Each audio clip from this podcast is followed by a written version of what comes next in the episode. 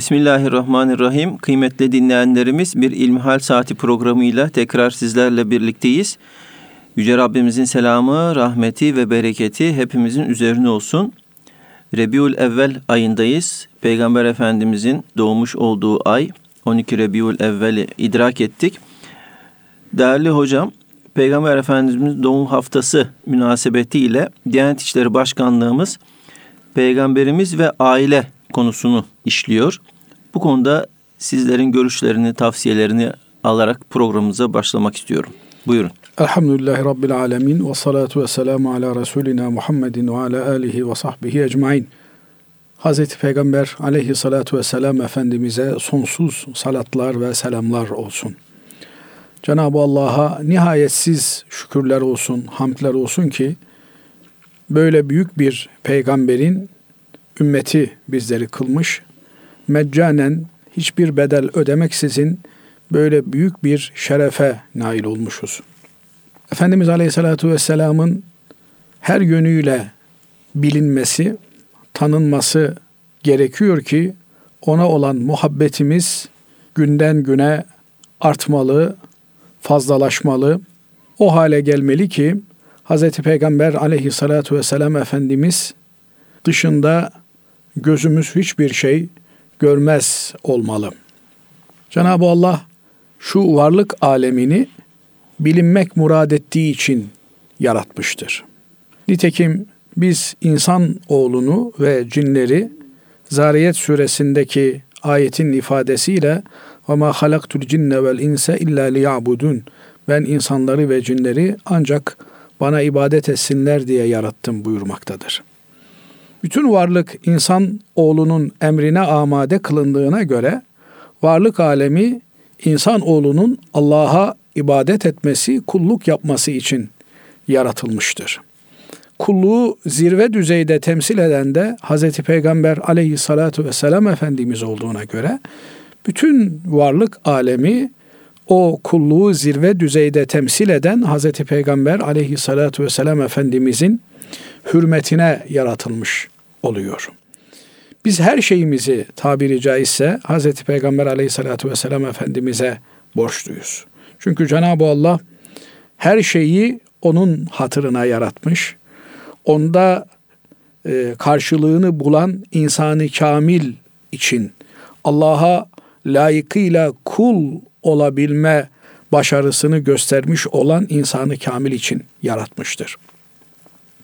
Elbette yaratıcı Allah'tır. Elbette kainatın sahibi, her şeyin sahibi olan Allah'tır. Fakat Cenab-ı Allah insan oğlunu bana kulluk yapsın diye yarattım dediğine göre kullukta zirve olan, kulluğu temsil eden, kulluğu ne olduğunu bize gösteren Hz. Muhammed Mustafa sallallahu aleyhi ve sellem tabiri caizse evrenin yaratılışına bir illeti gaiye yani gaye ve amaç olarak ortaya çıkmaktadır. Böyle olunca Peygamber aleyhissalatü vesselam Efendimiz'i sadece e, mübarek doğumları münasebetiyle değil her vesileyle hatırlamamız gerekiyor. Sahabe efendilerimizden biri Efendimiz Aleyhisselatü Vesselam'a Ya Resulallah ben Allah'a dua ederken duamın bir kısmını da sana salat ve selam getirerek geçiriyorum deyince Efendimiz Aleyhisselatü Vesselam ne kadar çok yaparsan bana salat ve selam okursan o kadar iyi olur buyuruyor. Bunun üzerine bu sahabe, sahabe efendimiz duamın üçte birini size salat ve selamla geçireyim diyor. Efendimiz daha çok yaparsan daha iyi olur diyor yarısını, üçte ikisini ve nihayetinde de aynı cevabı alınca duamın tamamını sana salat ve selamla geçireyim buyurunca Efendimiz Aleyhisselatü Vesselam günahların bağışlanır, dertlerinden kurtulursun buyuruyor. Sıkıntılarının, dertlerinin çaresi gelir diyor. Biliyorsunuz çok yakın zamanda ülkemizde iki intihar vakasını gördük. Evet hocam. İşte biri Fatih'te yaşları 40 ile 60 arasında değişen dört kişilik bir kardeş topluluğunun, ailenin aynı evde kalan, evlenmemiş olan kardeşlerin intihar vakasını duyduk. Evet. Tabi yürekleri yakan bir hadise. Yani bu insanlar niye intiharın eşiğine gelmişler? Niye böyle vahşi bir şekilde intihar etmeyi tercih etmişler? Üzerinden çok geçmeden bu sefer Antalya'da bir babanın ailesini peşinden de kendisini zehirlediğini ve intihar ettiğini duyduk, öğrendik. Yürekleri burkan bir hadise. Niye diye baktığımızda bunun sebebinin evet ilk planda maddi imkansızlıklar olduğunu görüyoruz. Yani işte biri varlıklı iken yokluğa düşmüş, büyük işler yapmış. İşler ters gidince büyük borçlanmalara düşmüş. Diğer taraftan ailenin e, fertlerinin uzun bir yalnızlık yaşadıkları, sevgisiz büyüdükleri, efendim maddi imkansızlıkların birer bahane olduğu ortaya çıkıyor. İlk planda görünen maddi imkansızlıklar arka planda bu maddi imkansızlıkları doğuran bir e, sosyal çöküşü gösteriyor. Yani bir insan intihar edebilecek kadar çaresizliğe nasıl düşer? Bu toplumda aynı binada yaşayan insanlar kendi hem cinslerine yardım edemezler mi? Etmeli değiller mi? Bakıyorsunuz mikrofon tutuluyor ve utanmadan da dile getirebiliyoruz. İşte biz o komşularımızı pek tanımıyoruz. Pek bilmiyoruz. Demek ki bir dairede feryatlar kopuyor. Diğer dairedeki insanlar o kopan feryatlardan habersiz yaşayabiliyorlar. Belki insanlar su bulamadıkları için bazen bakıyorsunuz çok lüks bir dairede oturabiliyor ama açlıkla boğuşabiliyor. Kaldı ki Basri Hocam en büyük açlık sevgisizlik. Evet. Biz birbirimizi sevmeyi, kendimizi sevmeyi unuttuk. Birbirini kendini sevmeyen bir toplumun huzur içerisinde olması mümkün değil. Birbirimizi seve, sevebilmemiz için de bir üst sevgiye kendimizi adamamız gerekiyor. Rabbimizi sevmemiz gerekiyor. Yunus'un şu beyti ne kadar, şu mısra ne kadar manidar. Sevelim, yaradandan ötürü yaradılanı severim diyor. Yani Allah'ın hatırı için Allah'ın yarattığı her şeyi sevmeye memuruz diyor. Şimdi bakıyorsunuz eğer bu en yüce sevgiyi yerleştirememişsek, tabiri diğerle içselleştirememişsek, benimseyememişsek, bunu bütün ruhumuzla kabul edememişsek, o zaman onun yerine ikame etmeye çalıştığımız sevgiler bölünüp parçalanıp bizi daha derin ayrılıklara götürüyor. Bakıyorsunuz işte bir kahraman etrafında, onun sevgisi etrafında bir millet oluşturmaya, inşa etmeye çalışıyoruz. E onu seven var, sevmeyen var. Bu sefer ayrılık daha da büyüyor.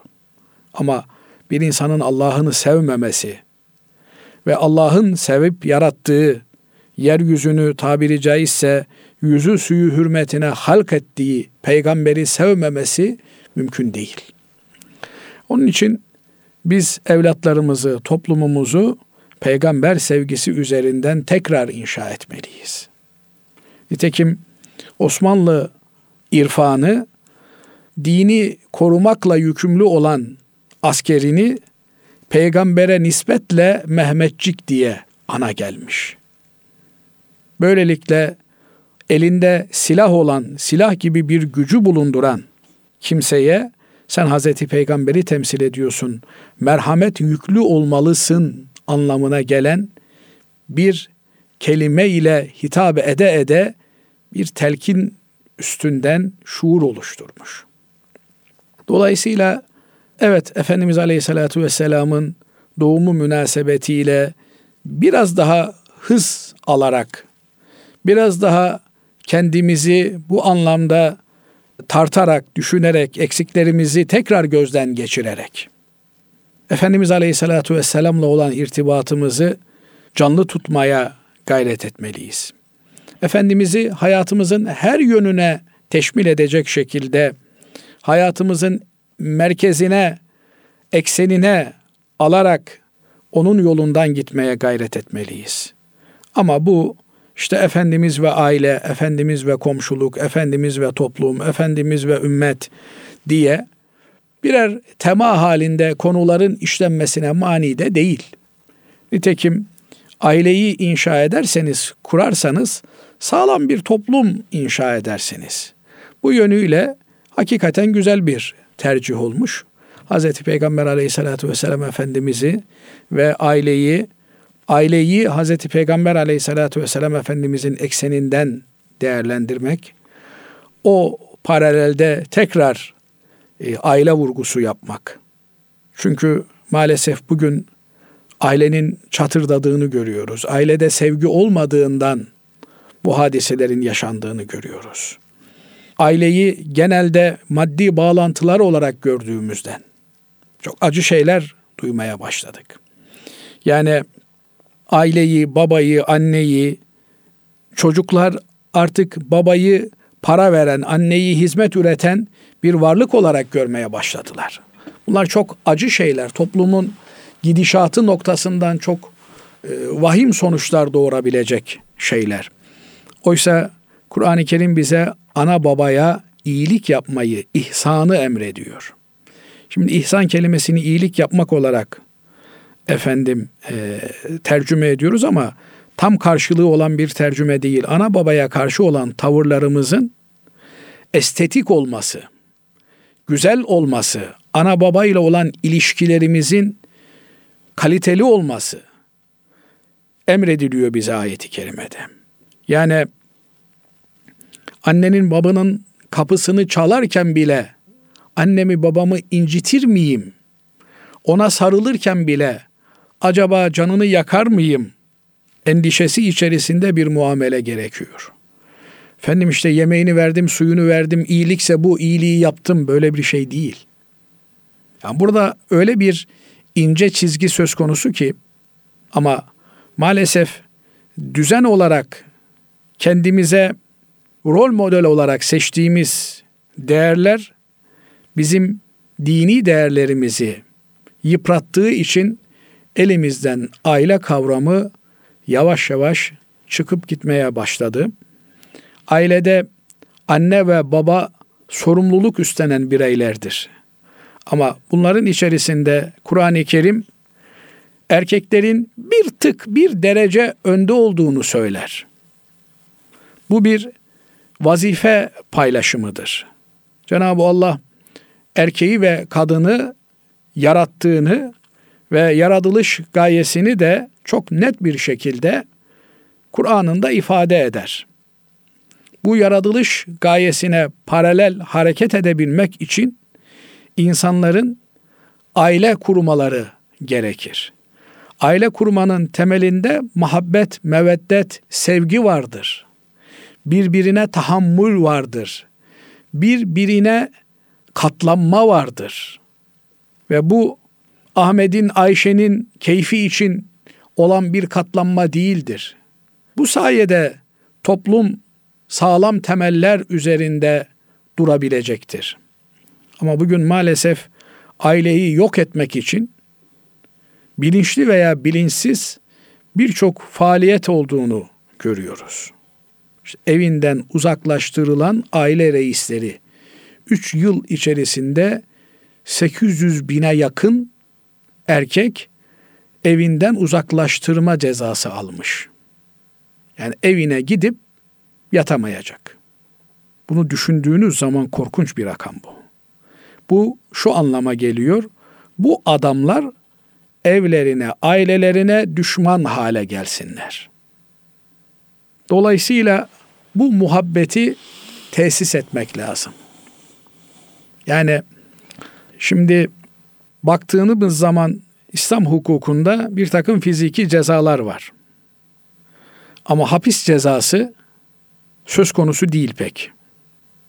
Hatta hapis söz konusu olacaksa da onları evlerinde hapsedin diyor Cenab-ı Allah.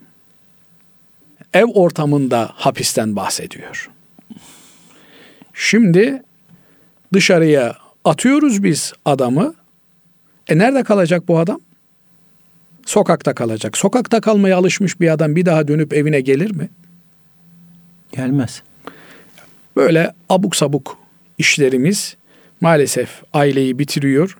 Elimizde tek bir çare Efendimiz Aleyhisselatü Vesselam'ın sevgisi etrafında kenetleşen ve birbirini Allah için seven aileler inşa etmek.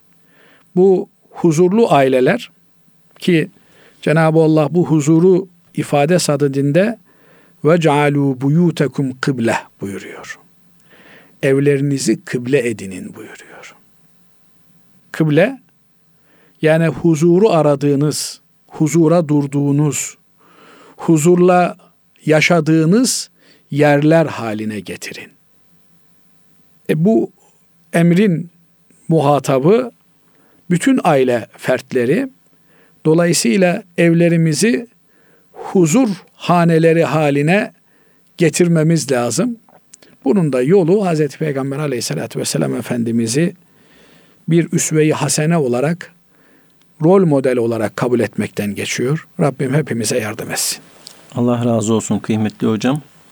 Çok teşekkür ediyoruz. Değerli hocam, son günlerde mirasla ilgili bir konu dolaşıyor. Deniyor ki erkeğe bir kadına yarım bu zulüm değil de nedir? Ee, bu konuda görüşleriniz nedir efendim? Estağfurullah. Cenab-ı Allah bazı şeyleri Kur'an-ı Kerim'de net olarak belirlemiş. Mesela namaz kılın, efendim oruç tutun, zekat verin derken kapalı ifadelerle bu emirleri beyan etmiş, açıklamasını Hazreti Peygamber aleyhissalatü vesselam Efendimiz'e bırakmıştır. Nitekim namaz kılın emrinin detaylarında Hazreti Peygamber aleyhissalatü vesselam Efendimiz beni nasıl namaz kılarken görüyorsanız siz de aynen öyle namaz kılınız buyurmaktadır.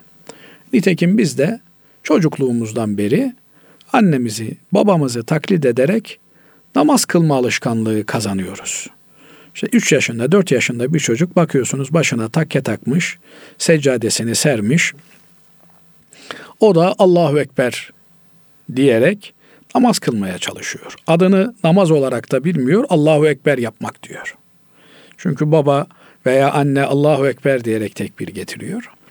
Bu meyandan olmak üzere de çocuklarımızı küçük yaşlarda namaza alıştırmanın yolu hadi kalkın namaz kılalım diye direkt bir yönlendirmeden daha ziyade örnek olarak ben abdest alacağım istersen sen de seyredebilirsin.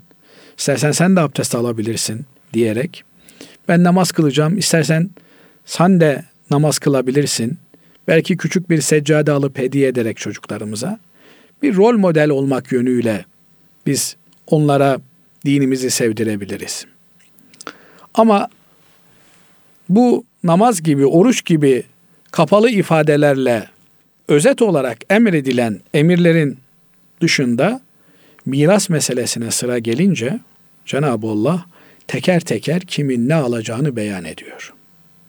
Ve çok evrensel bir ilke olan mecellemizde kar zarar mukabilindedir ifadesiyle dile getirilen el hurmu bil gunmi kar ve zarar dengesi. Binaenaleyh mirascı olarak birbirlerine mirasçı olan kimseler birbirlerini koruma ve kollama, nimet külfet dengesi üzerinden birbirlerine mirasçı olurlar. Açalım şimdi, biraz hocam. Şimdi açalım. Ben öldüğümde oğlum bana mirasçı olur. Kızım bana mirasçı olur. Hanımım bana mirasçı olur. Evladım öldüğünde de ben ona mirasçı olurum. Niye? Nasıl o bana mirasçı oluyorsa ben de ona mirasçı olurum. Bu karşılıklı bir ilişkidir. Nitekim kimsesiz bir kimse öldüğünde onun mirası devlete kalır. Niye? Borçları da devlete kaldığı için. Onun borçlarını da devlet öder. Böylelikle bir nimet külfet dengesi vardır. Ama şu zulüm değil mi? Eğer zulümden bahsedilecekse şundan bahsedilmesi gerekmez mi? Ben çocuğumu evlendirmek için borçlanıyorum. Ona iş kurmak için borçlanıyorum. Sermaye veriyorum. Evlendiriyorum. Bir çocuğu oluyor. Ve ölüyor. Ne bana ne annesine mirasından hiçbir şey verilmiyor. Bütün mirası çocuğuna ve hanımına veriliyor. Bu günümüz hukukunda. Bu günümüzdeki evet. mer'i hukuka göre. Ama aynı mer'i hukuk ben öldüğümde benim çocuğumu birinci derece mirasçı olarak tayin ediyor. Peki o öldüğünde, çocuk öldüğünde baba niye mirasçı olamıyor? Anne niye mirasçı olamıyor? Şimdi mesela demiş ki bu sözü söyleyen arkadaş, dinimiz kız kardeşe yani e, ölen babanın kızına bir, oğluna iki verilmesini emrediyor. Karşılığında da erkek çocuğu kız çocuğuna garantör olarak kabul ediyor. Öyle mi? Evet. Öyle. Yani diyelim ki babamdan bize 3 lira kaldı. Ben ve kız kardeşim bu mirası alacağız. Ben iki alıyorum, kız kardeşim bir alıyor. Niye ben iki alıyorum da kız kardeşim bir alıyor? Kız kardeşim yoksulluk gibi bir duruma düşerse onun bakımı benim üzerime çünkü. Devlet benden onun adına nafaka kesiyor. Ama ben yoksulluk durumuna düşersem kız kardeşim bana nafaka ödemekle mükellef değil.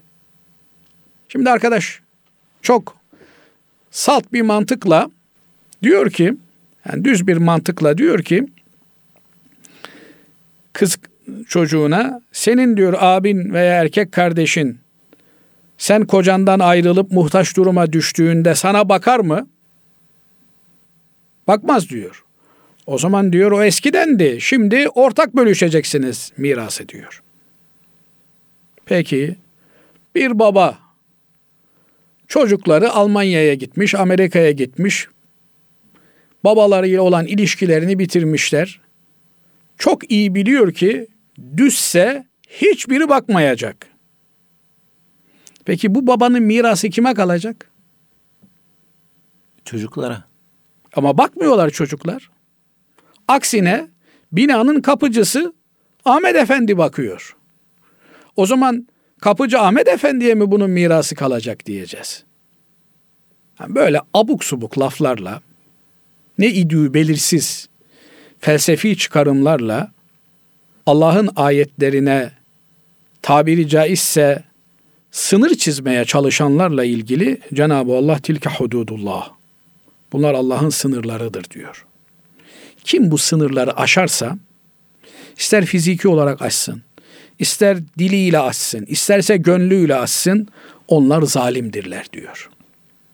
Yani bu zulüm değil midir diyor ya vatandaş. Zalimlik böyle bir iddia ile ortaya çıkmaktır. Allah bunları çizmiş. Efendim bugün erkek kardeşler kız kardeşlere bakmıyor. Bakacak sistemi kuracaksın demek istiyor o zaman Allah. Sistemi ona göre ayarlayacaksın. Sen sistemi bozdun diye ayetlerin hükümlerini değiştirme lüksüne sahip değilsin. O zaman peygamberin geldiği toplumda da içki içiliyordu. Su gibi içki içiliyordu. Peygamber madem su gibi içki içiyorsunuz ben dokunmayayım demedi. Peygamberin geldiği toplumda faiz illeti vardı. Hazreti Peygamber aleyhissalatü vesselam Efendimiz faiz artık haram kılınmıştır. Bundan sonra faiz yoktur dedi. O gün kimse ya sen ne yapıyorsun peygamberimiz? Bizim ekonomimiz faize dayalı. Faiz giderse biz batarız demedi. Batarsan bat. Yani dolayısıyla böyle ifadeler ancak bir kişinin cahilliğini ve zalimliğini ortaya koyar. Biz Müslüman olarak Kur'an'ın dediğini yapmak ve ona göre yaşamakla mükellefiz. Evet, biri Kur'an'a aykırı davranıyor ise, aykırı davranıyor ise, o onun günahını üstlenmiş olur. Kaldı ki su misal, misal teşkil etmez denir. Yani biri kötü örneklik yapıyor diye o örneği alıp uygulamak olmaz. Evet. Diğer taraftan hakikaten eğer bir yerde bir haksızlık durumu söz konusu ise orada konuyu bireysel olarak ele almak mümkün. Ama böyle kalkıp da bir genel kuralı, ilkeyi tartışma konusu haline getirmek. Hele de Allah'ın emrini, pür adaleti zulüm diye nitelendirmek bırakın bir Müslümanı insaflı bir gavurun bile yapacağı iş değildir. Allah muhafaza eylesin. Evet. Değerli hocam teşekkür ederim. Allah razı olsun. Kıymetli dinleyenlerimiz şimdi kısa bir araya gidiyoruz. İnşallah aradan sonra tekrar devam edeceğiz. Huzur bulacağınız ve huzurla dinleyeceğiniz bir frekans. Erkam Radyo, Kalbin Sesi. Kıymetli dinleyenlerimiz İlmihal Saati programımıza kaldığımız yerden devam ediyoruz. Sizlerden e, bize gelen soruları değerli hocamız Doktor Ahmet Hamdi Yıldırım cevaplandırıyor. Muhterem hocam bir dinleyicimiz şöyle bize soru göndermiş. Selamünaleyküm. Ben bir devlet hastanesinde ameliyathane hemşiresi olarak görev yapmaktayım. Kadın ve erkek hastaların ameliyat gereği mahrem yerlerini görmek zorunda kalıyorum ve bazı ameliyatlarda doktorla ve diğer çalışma arkadaşlarımızla çok yakından çalışmak durumunda kalabiliyoruz. Bu şekilde çalışmak beni huzursuz ediyor. Dini açıdan bu şekilde çalışmak sıkıntılı mı? Sizce ne yapmalıyım? Allah razı olsun demiş. Evet öncelikle hasta mahremiyeti dediğimiz bir husus var. Yani hastanın mahrem organlarının mahremiyet çerçevesi içerisinde örtülmesi gerekir. Doktorların hastayı bir meta olarak, bir eşya olarak görme lüksleri yok. Ben doktorum diye baştan ameliyat yapacaksa adamı bütün vücudunu soyarak efendim mahrem yerlerini açıkta bırakacak şekilde teşhir etmesi hasta hakları açısından çok büyük bir ihlal. Maalesef doktorlarımız Hipokrat yemini etmelerine rağmen hasta hakları beyannamesinde açıkça ifade edilmesine rağmen hasta mahremiyeti hususunda çok vurdum duymazlar. Yani bu noktaların doktorlara da hatırlatılması, sağlık çalışanlara da hatırlatılması gerekiyor. Lüzum etmediği sürece bir kadını muayene ederken bir doktorun kadının rahatsız olacağı birini o ortamda bulundurması asla kabul edilebilecek bir şey değildir. Yine bir erkeği muayene ederek onun rahatsız olabileceği birinin ortamda bulunulması, bulundurulması asla yani fotoğraflanması, videoya çekilmesi nasıl isteği dışında mümkün değilse efendim biz videoya çekmiyoruz, çekmiyorsun ama üç kişinin bulunması gereken bir ortama 30 kişiyi koymuşsun. Efendim burası eğitim hastanesi. Eğitim hastanesi de hastanın onayını alacaksın.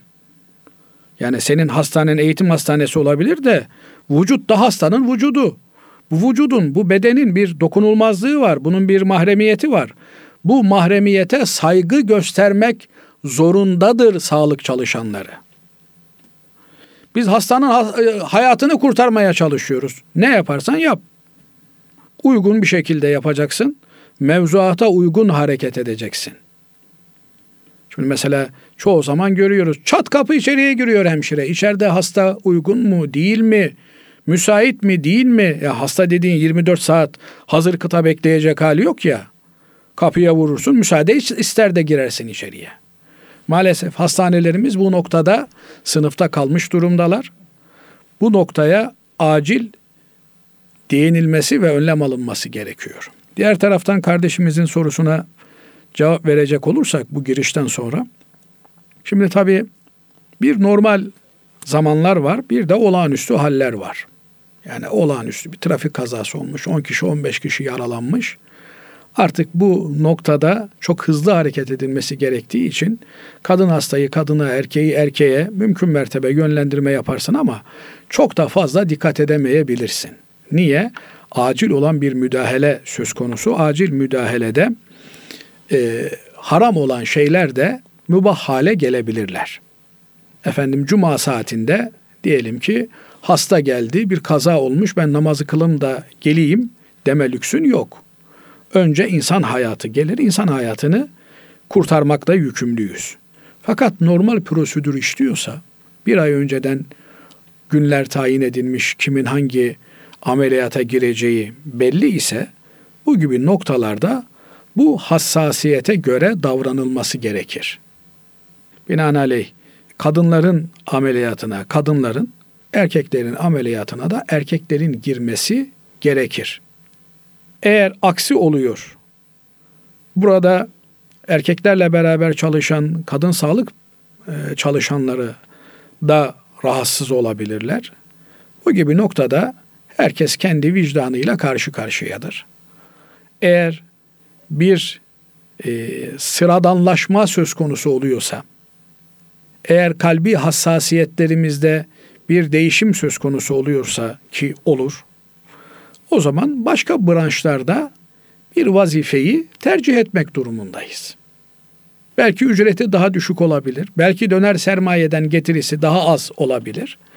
Ama vicdanen rahat edebileceğimiz, huzur içerisinde çalışabileceğimiz, haram olan ki bir erkeğin, bir kadının mahrem yerlerine bakması, bir kadının bir erkeğin mahrem yerlerine bakması haramdır. Ama olağanüstü durumlarda bu haramlık ortadan kalkar. Çünkü insan hayatı söz konusu dur. Fakat olağanüstü bir durum yok. Planlı programlı bir iş icra ediliyorsa o zaman buna dikkat etmek gerekir. Şöyle bir şey asla mümkün değil. Efendim sağlık çalışanlarına karşı haram söz konusu olmaz. Böyle bir şey yok. Zaruret dediğiniz miktarına göre ayarlanır. Efendim açlıktan ölmek üzere olan bir kimse eğer haram olan bir yemek önüne getirilirse e, ölmeyecek kadar bir iki lokma yer. Öyle e, göbek bırakacak kadar, semizleşecek kadar yemez. Binaenaleyh eğer bir haramlık söz konusuysa zaruret miktarınca elbette daha üst menfaat söz konusuysa onun daha aşağısındaki bir zarara katlanılır. İşte adamın hayatını kurtarmak için kan gireni olan ayağı kesilebilir. Ama durup dururken birinin ayağı kesilmez. Zaruret varsa kesilir.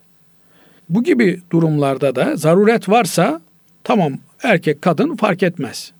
Ortada bir problem varsa, acil bir vaka varsa buraya müdahale edilir. Ama planlı programlı bir hastaya müdahalede mahremiyete dikkat edilmesi sadece hasta açısından değil ki doktor açısından da hastaya tanıdığımız bu hakkı biz doktora da tanımak mecburiyetindeyiz. Sağlık çalışanlarına da tanımak mecburiyetindeyiz. Yani şimdi bazen ne oluyor? Bir üst planlayıcı onun umurunda değil. Harammış, helalmiş. Ver Allah'ım senin kulun yer Allah'ım modunda. Ama insan olarak siz haramı helali dikkate almayan biri olsanız bile eğer kadronuzda çalışanlarınız arasında bu hassasiyeti taşıyan insanlar varsa onların bu hassasiyetlerine en azından saygı duyarak ona göre planlamayı yapmalısınız. Evet.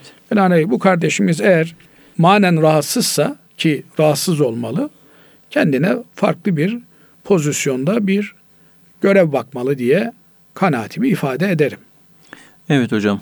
Şimdi bir de e, başka sağlıkla ilgili bir soru var. Efendim diyor ki beyin ölümü gerçek bir ölüm müdür? Beyin ölümüne bağlı olarak organ bağışı yapılabilir mi? Şimdi bu uzun bir tartışma tabii. Yani beyin ölümü gerçek ölüm müdür değil midir? İslam hukuku açısından ölüm bütün azaların cevap vermez hale gelmesi, kalp atışlarının durması vücudun soğuması anlamına gelir. Fakat organ nakli yapabilmek için bu kalbin atışının devam ediyor olması lazım. En azından suni olarak da kalbin çalışması organlara kan atışının sirkülasyonunun devam ettirmesi lazım. Eğer organlara kan gitmezse artık o organlar kullanılamaz hale geliyor. Binaenaleyh tıpçılar, tıp camiası beyin ölümü olarak başka bir e, ölüm tanımı yapmaktadırlar. Onlara göre bir adamın geriye dönüşü olmayan bir yola girmesi, artık beyin fonksiyonlarının geriye dönüşü imkansız bir hale gelmesi ölüm olarak nitelendirilmektedir. Yani aslında ölümü görüp öldü demektedirler. Yani bu adam artık ölecek, ölmek üzere. Bunun bir daha beyin fonksiyonlarının geriye gelmesi mümkün değil. Noktasına geldiklerinde beyin ölümü gerçekleşmiş diyorlar. Ve ondan sonra acilen yapılması gereken şey eğer organlarını bağışlamışsa bu kimsenin e, organları e, uygun bir şekilde alınıp uygun bir şekilde muhafaza edilerek çok kısa bir zaman içerisinde organ nakli bekleyen kimselere nakledilmesi meselesi. Fakat bu beyin ölümü gerçekleşti denilen insan hukuken ölmüş müdür? Sorusunu soracak olursak ister bugün mevzuattaki beşeri hukuk olarak değerlendirin, isterseniz de ilahi hukuk olarak değerlendirin. Söz gelimi bir hastanın beyin ölümü gerçekleşti diye doktorlar karar vermiş ve raporu imzalamış olsunlar. 9'u 5 geçe. Evet. 9'u 7 geçe de bu kimsenin babası vefat etmiş olsun. Eğer fiş çekilmemişse, 9'u 10 geçe fiş çekilmişse bu kimse babasına mirasçı olabilir mi, olamaz mı? Öldü diye raporu doktorlar 9'u 10 geçe yazmışlar. 9'u 7 geçe de babası ölmüş. Mirasçı olabilmesi için mirasçı olacağı kişiden öldüğünde hayatta olması lazım. Fiş de 9'u 10 geçe çekildiğine göre bu adam fiş çekildiğinde mi ölmüştür? Beyin ölümü tanısı konduğunda mı ölmüştür? Kalbi durduğunda mı ölmüştür? Ki ameliyat esnasında kalbi çalışıyor. Yani organlar alınırken kalbi çalışıyor. Evet. Yani kan sirkülasyonu devam ediyor. Yoksa ameliyattan çıkınca kalbi tamamen durunca mı ölmüştür? Çünkü ölüm dediğiniz hadisenin birçok ilgilisi söz Evet, konusu. evet. Birçok onunla alakalı hüküm söz konusu. Hiç aklımıza gelmeyen soruları gündeme getirdiniz hocam. Yani dolayısıyla şimdi geçen e, bir kardeşimizin, sevdiğimiz bir kardeşimizin annesi vefat etti. Allah rahmet eylesin. Sabah dörde yakın kalktı diyor anneciğim. Kalkardı diyor sabah erken kalkardı diyor. Abdestini aldı ben ölüyorum dedi diyor. Allah. Namaz kıldı ve ruhunu teslim etti diyor. Şimdi e, bazen insan da kendisinin öldüğünü hissediyor diyelim şimdi. Hissettiği anda mı ölmüştür? Yok. Yoksa son nefesini verdikten sonra mı ölmüştür? Şimdi beyin ölümü gerçekleşti denilen kişi ameliyattayken nefes alıp veriyor mu? Organları alınıyor ya. Nefes alıp veriyor mu? Efendim suni nefes alıp veriyor. Ya suni nefes alıp verme hakiki nefes alıp verme değil midir? Bir de bir fıkra anlatayım müsaaden olursa belki çok belki ciddi gidiyor şey. Hocam tam getiriyorsunuz. Başka bir konuya ge- geçiyorsunuz. O da ilginç bir şey. Evet buyurun. Şimdi adamın bir tanesinin kalbi durmuş. Doktorlar geri döndürmüşler. Tekrar kalp masajı yaparak veya işte aletle müdahale ederek müebbet hapse mahkum olan bir adammış bu. Mahkemeye başvurmuş demiş ki ben demiş müebbet hapis ölene kadar hapistir. Ben öldüm demiş. Sonra geri geldim demiş. Dolayısıyla ben cezamı çektim benim salı verilmem lazım. Serbest bırakılmam lazım. Şimdi yani olayın bir boyutu yok. Birçok boyutu var. Evet. Hakikaten kalbi durup da işte 3 dakika sonra 4 dakika sonra Evet. tekrar reanimasyonla yani tekrar diriltmeyle tabiri caizse tekrar canlandırma diyorlar çünkü. Gelen bir adam e, müebbet hapse mahkumsa cezasını çekmiş olur mu? Hukukçular düşünsün. E yani dolayısıyla e, tıpçılar kendilerine lazım olan kısma bakıyorlar. Her yıl şu kadar insanın organ nakli beklediği bir ülkedeyiz.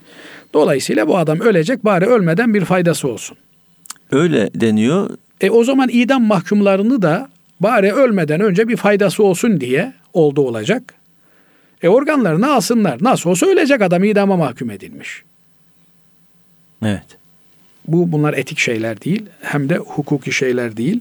Dolayısıyla bu e, noktalarda daha çok çalışılması ve düşünülmesi lazım gelir diyorum. Allah yardımcımız olsun. Yani şu anda cevap nedir hocam? Şey olarak tam anla, ben anlamadım doğrusu.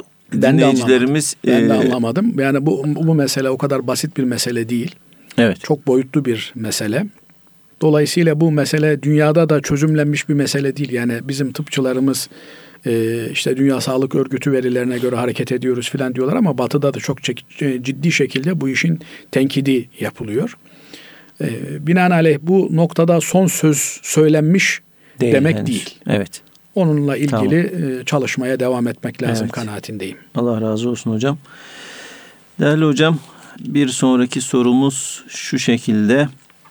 Efendim dinleyicimiz diyor ki camideki eski halıları veya diğer kullanılmayan eşyayı satarak caminin ihtiyaçları için kullanmak caiz midir?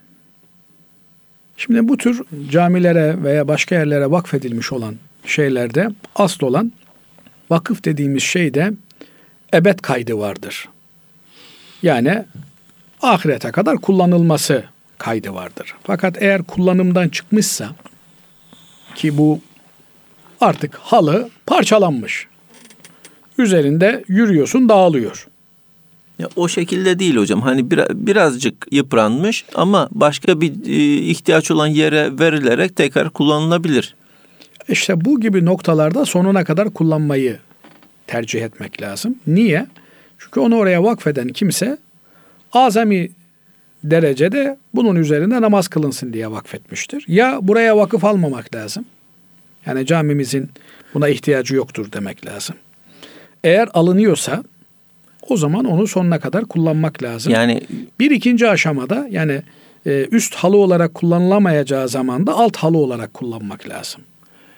Vakıf e, tabirini kullandınız. Yani bu vakıf değil de hediye olarak verilmesi durumunda bir farklı bir durum söz konusu e, mu? Hediye olarak verilmişse yani bunlar bir prosedür çerçevesinde alınmalı. Yani mesela söz gelimi ben bir yıllığına bunları burada sereriz, bir yıl sonra satarız. Veya beş yıllığına alırız, beş yıl sonra satarız. Yine oradan gelecek olan e, parayı da caminin ihtiyaçlarına kullanırız diye bir protokol çevresi çerçevesinde alınması lazım. Çünkü bunlar vebal gerektiren şeyler. Yani adamcağız belki yemiyor, içmiyor, kendi ihtiyacını getiriyor, oraya veriyor.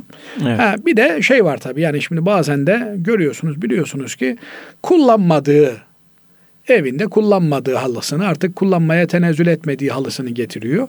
Ne oluyor? İnşaat halinde oluyor cami. İşte oraya çok böyle yeni sıfır halı almak uygun olmuyor. Sağdan soldan işte temiz olan kullanılmayan halıları getirip koyuyorlar. Bu tür e, yani geçici bir müddetle koyulanlar hariç. Ama adam işte caminin halılarını yaptırmış. Benim demiş anamın babamın ruhuna ben burayı yaptırayım demiş. Onu sonuna kadar kullanmaya gayret etmek lazım. Yok eğer öyle olmayacaksa bu sefer de onu bir protokolle almak gerekiyor. Evet. Ben mesela hatırlıyorum biz Beyazıt Camii'nde ders okurken Beyazıt Camii'nin halılarını eski diye antika halıları sonra işi bilenler zor kurtardılar halıları. Bazen öyle de oluyor. Evet. Yani eski deniliyor ama her eski evet. değersiz anlamına gelmiyor. Tabii ki. Binaenaleyh bunu mütevelli heyetinin, caminin e, nazırının, mütevelli heyetinin çok dikkatli bir şekilde e, çok iyi değerlendirerek, ölçüp tartarak değerlendirmesi lazım. Evet. Efendim bugünlük son sorumuz şu olsun değerli hocam. Diyor ki Bakara suresi 238. ayet kerimesinde namazlara ve orta namaza devam edin. Allah'a saygı ve bağlılık içinde namaz kılın.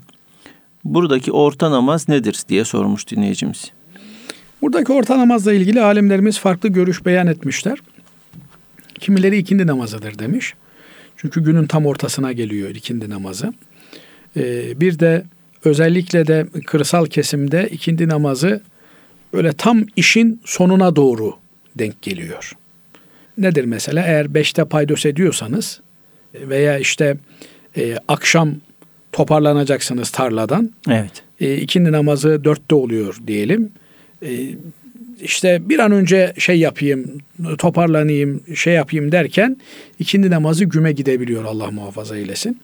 Onun için Cenab-ı Allah bütün namazları muhafaza edin, koruyun. Ama özellikle de ikindi namazına dikkat edin anlamına orta namaza vurgu yapıyor. Bir de bir şeyin ortasını korudunuz mu kenarlarını haydi haydi koruyabilirsiniz. Buradan e, bu çıkıyor. Bir başka e, yoruma göre de öğle ile ikindi bir namaz, akşamla yatsı bir namazdır. Binaenaleyh İslami e, takvim anlayışında akşam namazı e, günün başlangıcını ifade eder. Evet. Yani önce gece gelir sonra gündüz gelir. Evet, evet. Dolayısıyla e, hatta e, ben hatırlarım rahmetli anneanneciğim akşam ezanı okunduğunda onlar Alaturka saat kullanırlardı. Yine bizim işte unuttuğumuz kendimize özgü, medeniyetimize özgü bir saattir. Saat dilimidir Alaturka saat. Saat e, akşam ezanı ile beraber 12'ye ayarlanır. Dolayısıyla herkesin kulağı akşam ezanında olur. Akşam ezanı olunca 12'ye ayarlarsınız. Yani bir dakika, iki dakika ileriye geriye alırsınız saatinizi. Her akşam ona göre kontrol etmeniz gerekir. Saat 12 akşam ezanıdır. Ondan sonra akşam geceye ilk namazdır. Yatsı ikinci namazdır. Sabah üçüncü namazdır. Dördüncü, beşinci namaz da ikindi ile öğle ile ikindidir. Binaenaleyh sabah namazı orta namaz olarak bu şekilde karşımıza çıkar. Ala külli hal bunlar beş vakit namaz olduğu için neresinden alsanız alın bir tanesi ortaya denk gelir. Evet. Binaenaleyh bütün namazlara özellikle de orta namaza dikkat edinin anlamı bir yönüyle de bütün namazlara dikkat edin demektir. Çünkü e, akşam da ortaya gelebilir, yatsı da ortaya gelebilir, sabah da ortaya gelebilir, ikindi de öğle de ortaya gelebilir. Beş vakit olduğu Yani için. Dolayısıyla bir yoruma göre de her bir namazın orta namaz olması muhtemeldir. Ama ağırlıklı kanaat ikindi namazı olduğu yönündedir. Onun illetini, gerekçesini de işte işi gücü olan kimse akşam kararmadan işimi bitireyim telaşına koyulur da ikindi namazını ihmal eder. Niye? Çünkü ikindi namazının ikindi ezanıyla güneş batmaya durmadan yani güneşin batışından bir 45 dakika önceye kadar kılınması lazım. Kerahat vakti giriyor çünkü. evet. Ama işte o arada işimi gücümü yapayım derken gecikmeye mahal olabilir. Diğer taraftan cem edilen namazlar işte Müzdelife'de, Arafat'ta cem edilen namazlar öğle ile ikindi, akşamla yatsıdır. Arada sadece sabah namazı vardır. Bazı rivayetlerde yani alimlerimizin ifadelerinde sabah namazıdır orta namaz. Fakat fakirin e, acizane kanaati bu beş vakit namazdır. Herhangi bir vakit orada vakit olarak değerlendirilebileceğinden bütün namazlara dikkat edin demektir. Çünkü ortaya neyin geleceği belli değildir. Evet. Evet. Teşekkür ediyoruz hocam. Allah razı olsun. Kıymetli dinleyenlerimiz bir İlmihal Saati programının daha sonuna erdik. Efendim hepinizi Allah'a emanet ediyoruz. Hoşçakalın.